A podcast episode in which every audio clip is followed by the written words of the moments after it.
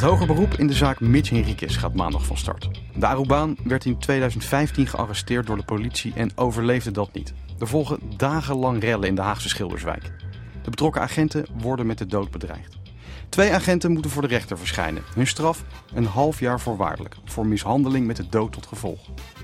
De twee gaan tegen de uitspraak in hoger beroep. En daar is twee weken voor uitgetrokken in de extra beveiligde rechtbank op Schiphol. Ik ben rechtbankverslaggever Sander Knoera en ik praat over deze zaak met mijn collega Aniek Enthoven en met rechtbankverslaggever Jorina Haspels van AD Haagse Courant.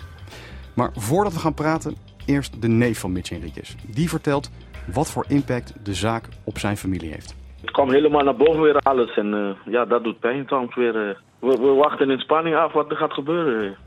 Ja, zij wachten natuurlijk in spanning af. Ook de twee agenten die wachten in spanning af. Het worden twee zware weken voor ze. Jorina, jij hebt het hele proces gevolgd. Hè? Jij hebt twee weken daar gezeten. Waarom denk je, en, en daarvoor inderdaad, waarom denk jij dat zij toch in hoger beroep zijn gegaan? Ja, zij willen een, een volledige vrijspraak uh, hebben. Zij vinden dat ze hun werk hebben gedaan. Tenminste, daar lijkt het op dat zij dat zo vinden. Um, en daar moeten ze geen straf voor krijgen. Zij moest hem arresteren, dat heeft de rechter ook gezegd. Hè. Ze, het was terecht dat ze hem moesten arresteren. Ja, en daarbij is hij om het leven gekomen. En, en dat is, maar dat is zij vinden, En zij vinden blijkbaar van, we hebben, het, we hebben zo erg ons werk gedaan. Wij zijn zo overtuigd dat we weer dat hele circus ingaan. Ja, ja, het is wel gek inderdaad. Want ze hebben toen steeds geroepen in eerste aanleg.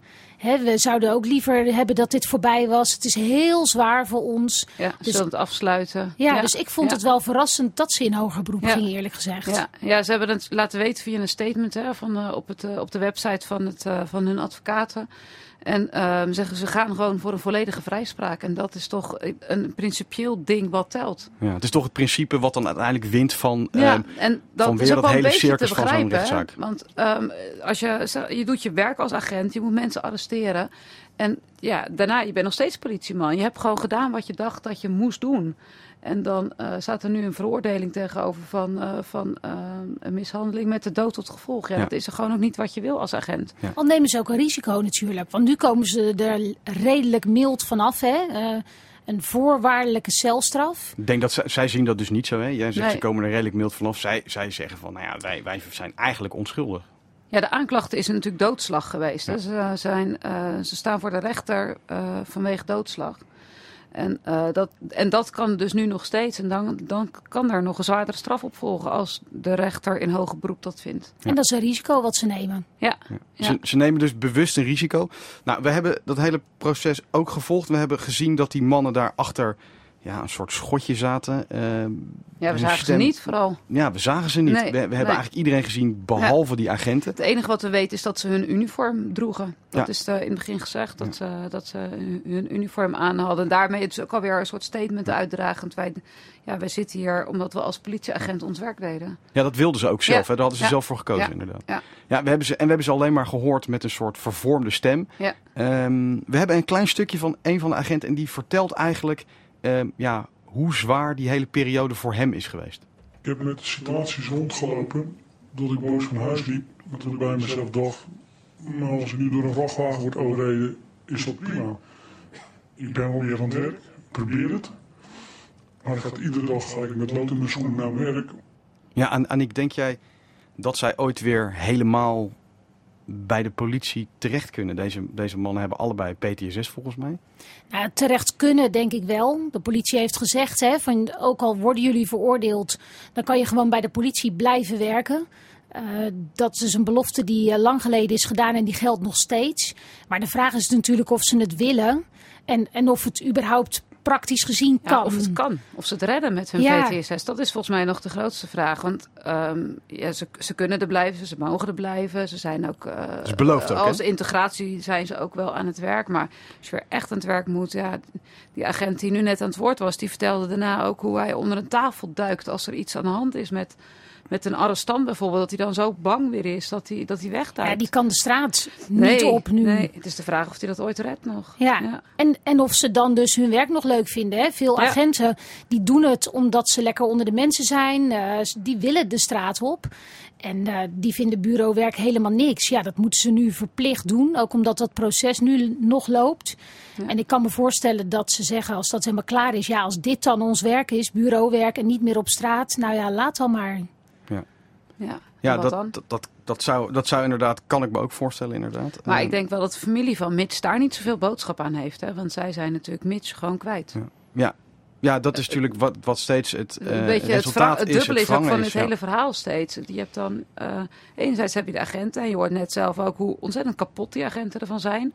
En anderzijds heb je gewoon een familie. Ja, Mitch was echt, ja, dat was de man van de familie. Ze had hun vader heel vroeg verloren aan kanker.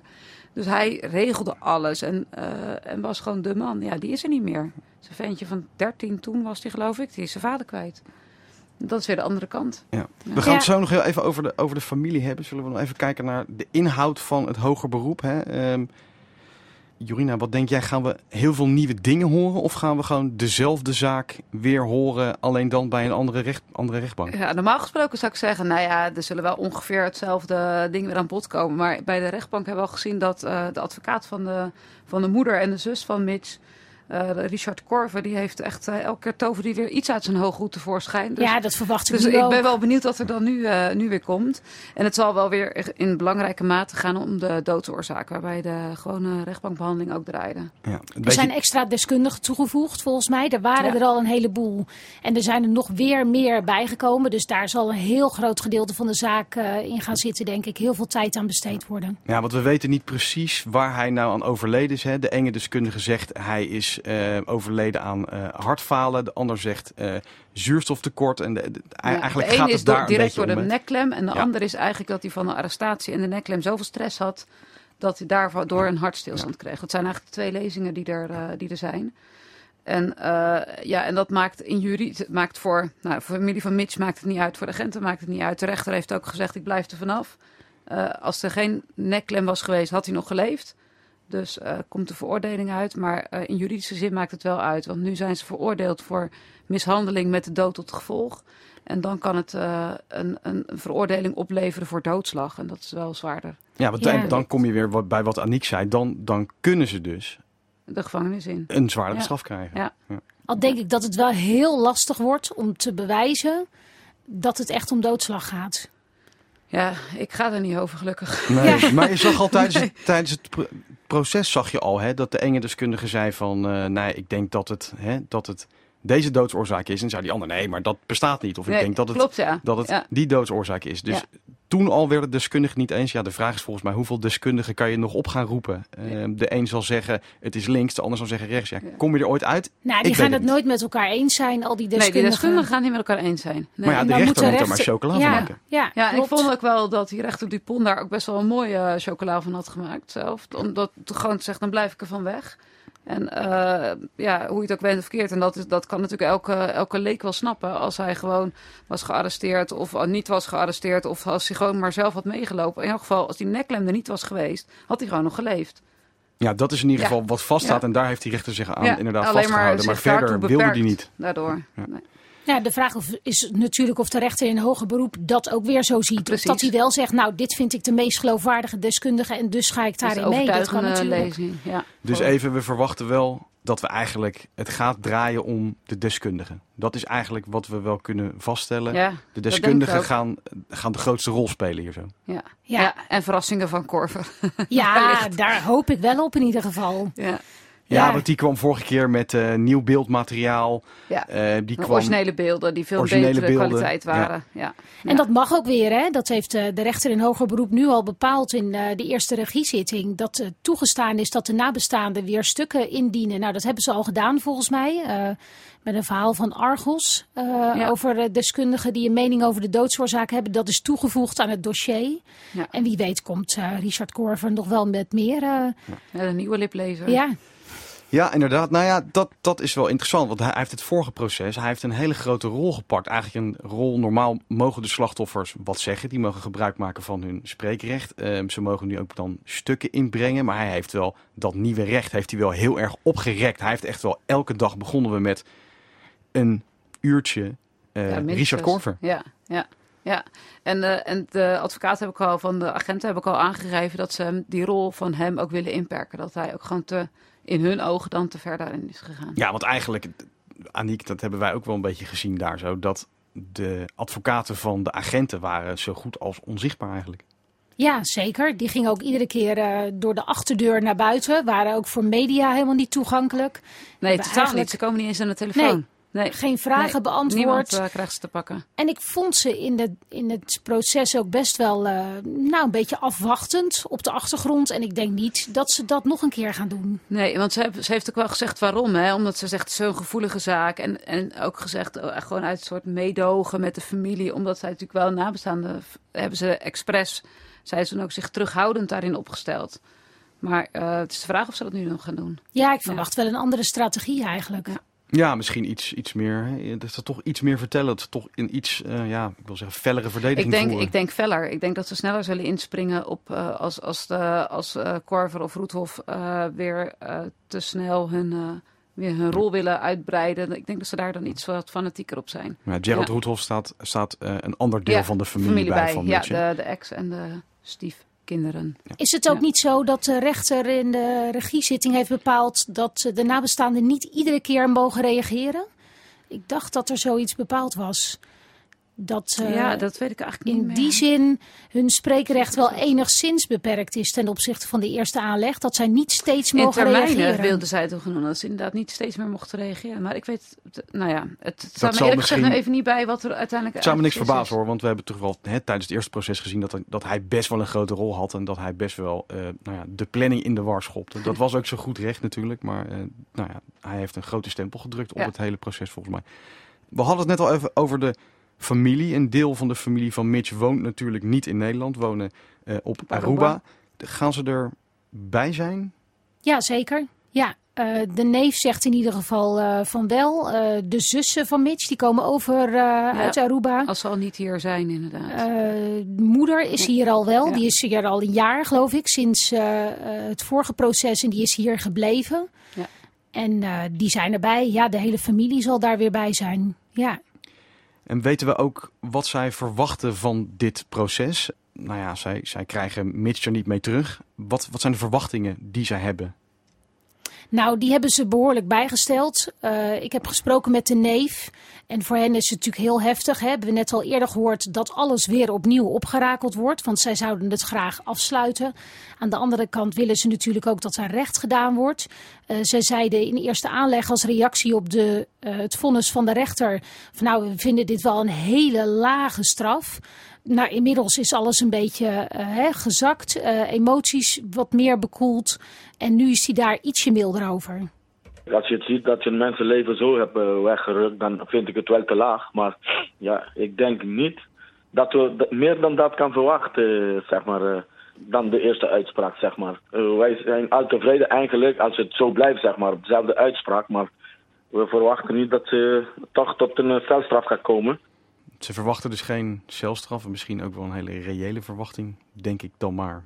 Ja, Ja, het is ik- speculeren natuurlijk. Het is ik wou dat zeggen, ik het durf grote dat niet te zeggen speculeren. hoor. Nee, precies. Ik vind het ook heel lastig in deze zaak. Je hebt soms wel eens een idee welke kant het op gaat. Maar dit is echt zo'n zaak die kan eigenlijk alle kanten op. Ja, het heeft ook steeds voor verrassingen gezorgd. Ja, ieder- iedere dag mee, bij die rechtbankbehandeling was ook steeds anders. Dus ik, ik weet ook echt niet, er heeft echt geen, eh, geen gok op te doen. Ik las ook terug bijvoorbeeld in een artikel van mij ook dat je dan 's ochtends denkt van... Wow, toen kwamen die originele beelden tevoorschijn. Dat je denkt, oh, die agenten zijn echt helemaal fout. Dit gaat echt verkeerd.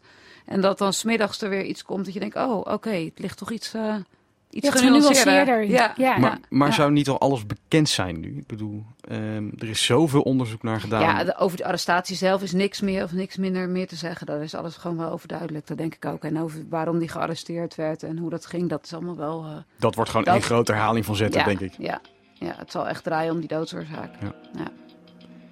Doodsoorzaak spannend, dus Ja. weer die deskundige inderdaad. Ja. Ja. dat, dat blijft dan de grote vraag.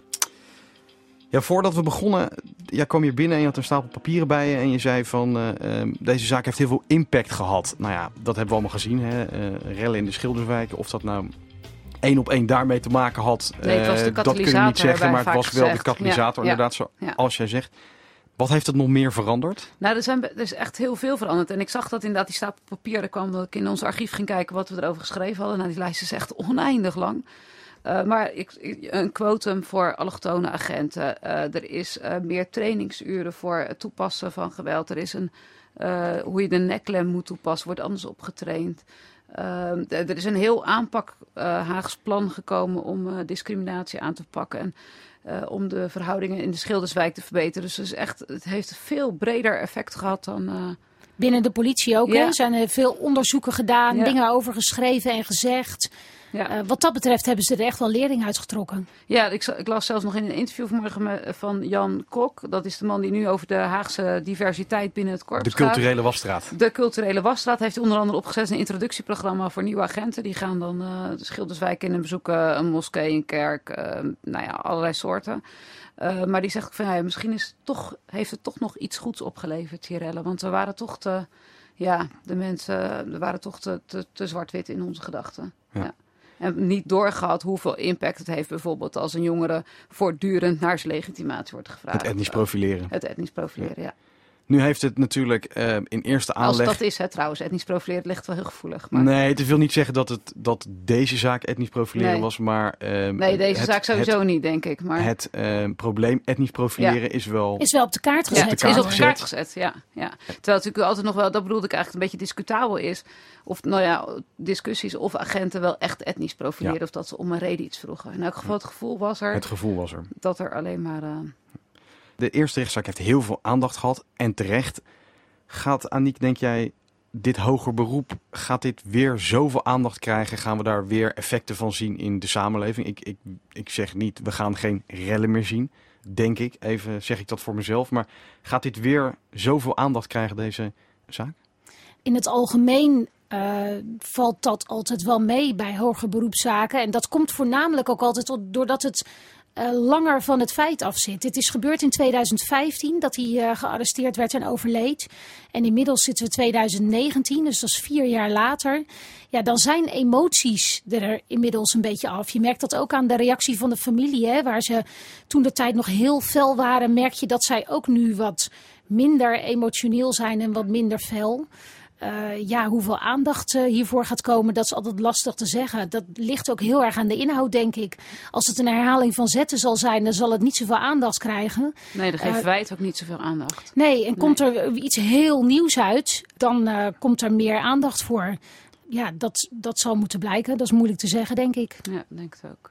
Ja, En- dat zou ik ook niet weten. En, en zijn we klaar dan hierna? Eh, of gaan we nog in cassatie? Denk Ja. je dat die agenten zo ver gaan dat ze zeggen... ik denk we het wel. ook- Ik denk dat die stapje eh, tot het uiterste gaan. Ik denk het ook. Ja.